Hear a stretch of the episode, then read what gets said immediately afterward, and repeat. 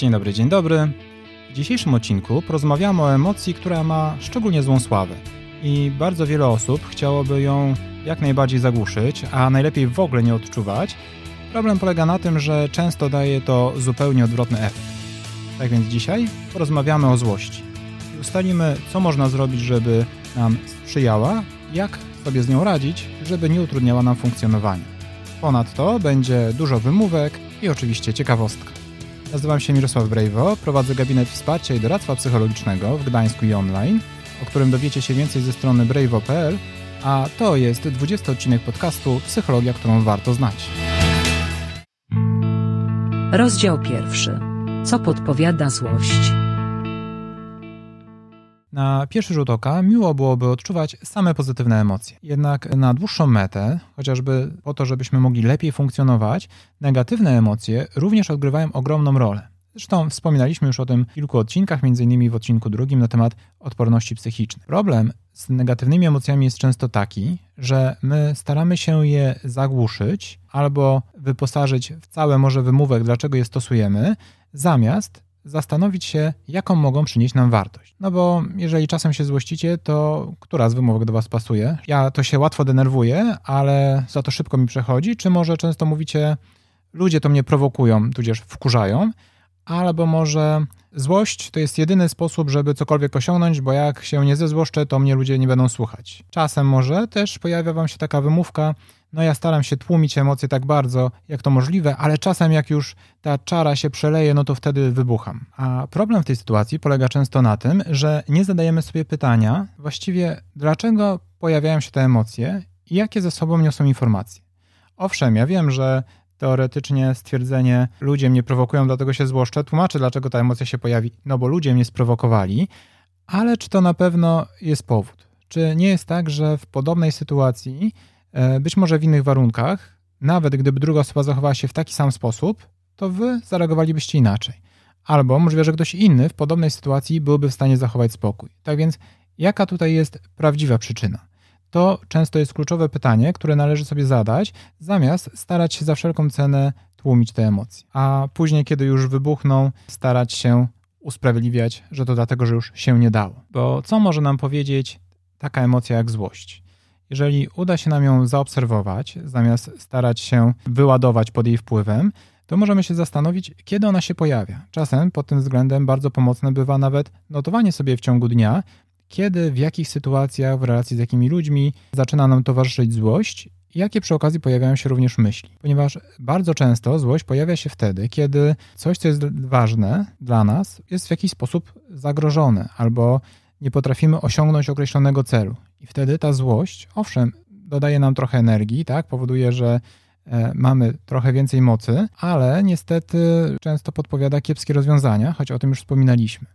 Bardzo często też złość pojawia się w momencie, kiedy mamy poczucie, że tracimy kontrolę nad sytuacją. I tutaj trzeba się nad tym zastanowić, co moglibyśmy zrobić, żeby trochę tej kontroli odzyskać. Oczywiście bazując wyłącznie na tym, co jest w zakresie faktycznie naszej kontroli, a nie narzucając swoją wolę innym ludziom, tak? No bo kontrolowanie innych podchodziłoby już pod przemoc. Natomiast my możemy kontrolować siebie, możemy spróbować zrozumieć, czego nam brakuje. Bo jeżeli na przykład denerwujemy się w relacjach, z czego to wynika? Tak? Być może ta złość spowodowana jest tym, że nie czujemy się wystarczająco wartościowi w tej relacji albo wystarczająco doceniani. Jeżeli nasza złość pojawia się w relacjach z dziećmi czy ze współpracownikami, może to wynika z tego, że zależy nam na komunikacji, ale brakuje nam skutecznych sposobów, żeby się lepiej komunikować. I wtedy z całą pewnością nie należy narzucać swojej woli krzykiem czy innymi przemocowymi zachowaniami, a raczej zastanowić się, w jaki sposób moglibyśmy poprawić tę naszą komunikację. Zobaczcie, nawet złość w takich sytuacjach jak to, że ktoś się denerwuje korku, tak, i ludzie często tam, nie wiem, sobie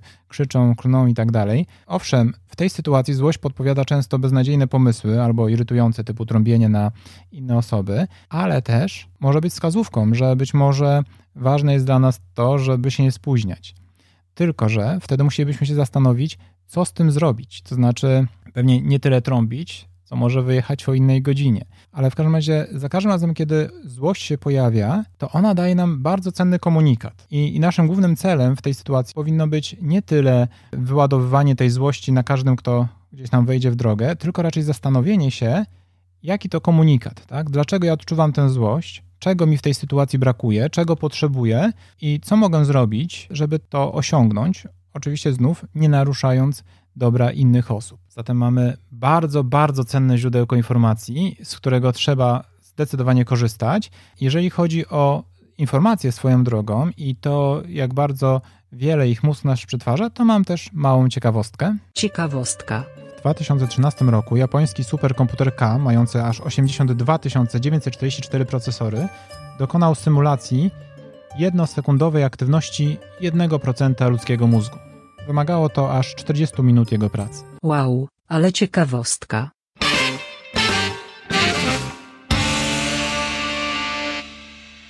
Z kolei odnośnie tłumienia złości, bardzo często będzie ona prowadziła do faktycznie zupełnie odwrotnych sytuacji, bo jedna rzecz to jest zmniejszenie złości poprzez zrozumienie tego, e, czy powód tej naszej złości faktycznie jest tak istotny, a druga rzecz to jest niezwracanie uwagi na te emocje. To znaczy, one tam sobie niby są, ale my ani nie próbujemy ich wyrażać, ani nie próbujemy ich sobie przeanalizować, i wtedy faktycznie takie emocje mogą dać nam bardzo negatywne efekty.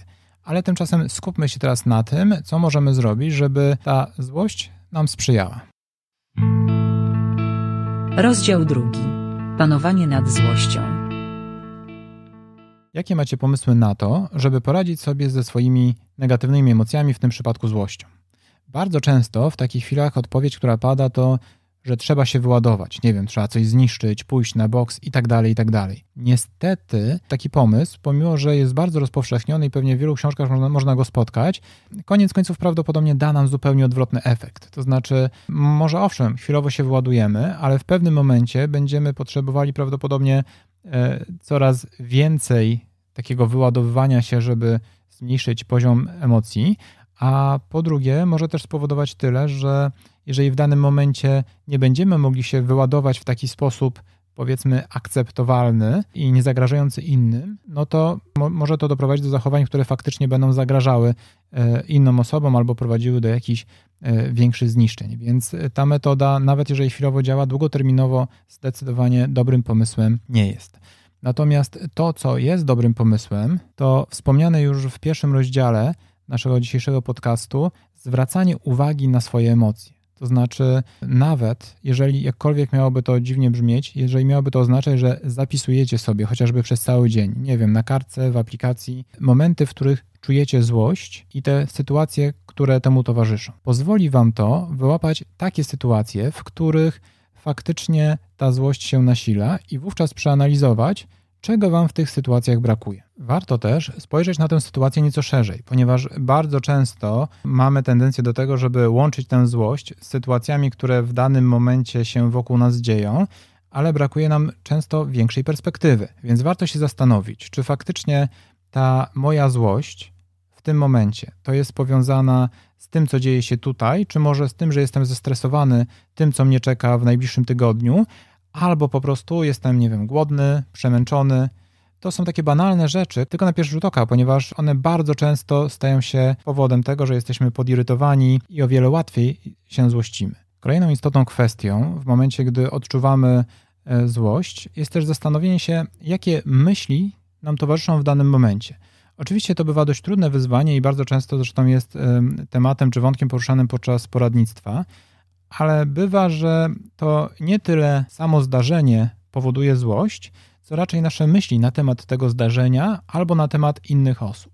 No bo zobaczcie, nawet trzymając się tego wątku ze staniem w korku podczas dojazdu do pracy, jeżeli będziemy mieli przekonanie, że wszyscy kierowcy wokół nas są złośliwi i generalnie nie umieją jeździć i głównie starają się utrudnić nam dojazd do pracy, to zdenerwujemy się o wiele bardziej niż myśląc sobie, ok, ci ludzie też musieli wstać wcześniej, pewnie też są zmęczeni, pewnie też są zestresowani i starają się jechać tak dobrze, jak tylko potrafią. Sytuacja jest ta sama, ale prawdopodobnie te nasze różne myśli, różne interpretacje doprowadzą nas do zupełnie innego poziomu złości i ogólnie emocji. Więc warto jest wyłapywać te myśli towarzyszące emocjom i zastanowić się, czy one nam sprzyjają, a ponadto, czy faktycznie są prawdziwe. Znaczy, starajmy się znaleźć argumenty, które potwierdzają taką myśl, ale też takie argumenty, które by ją podważały. A następnie możemy postarać się to trochę zmodyfikować, tak, żeby wyeliminować na przykład takie przekonanie,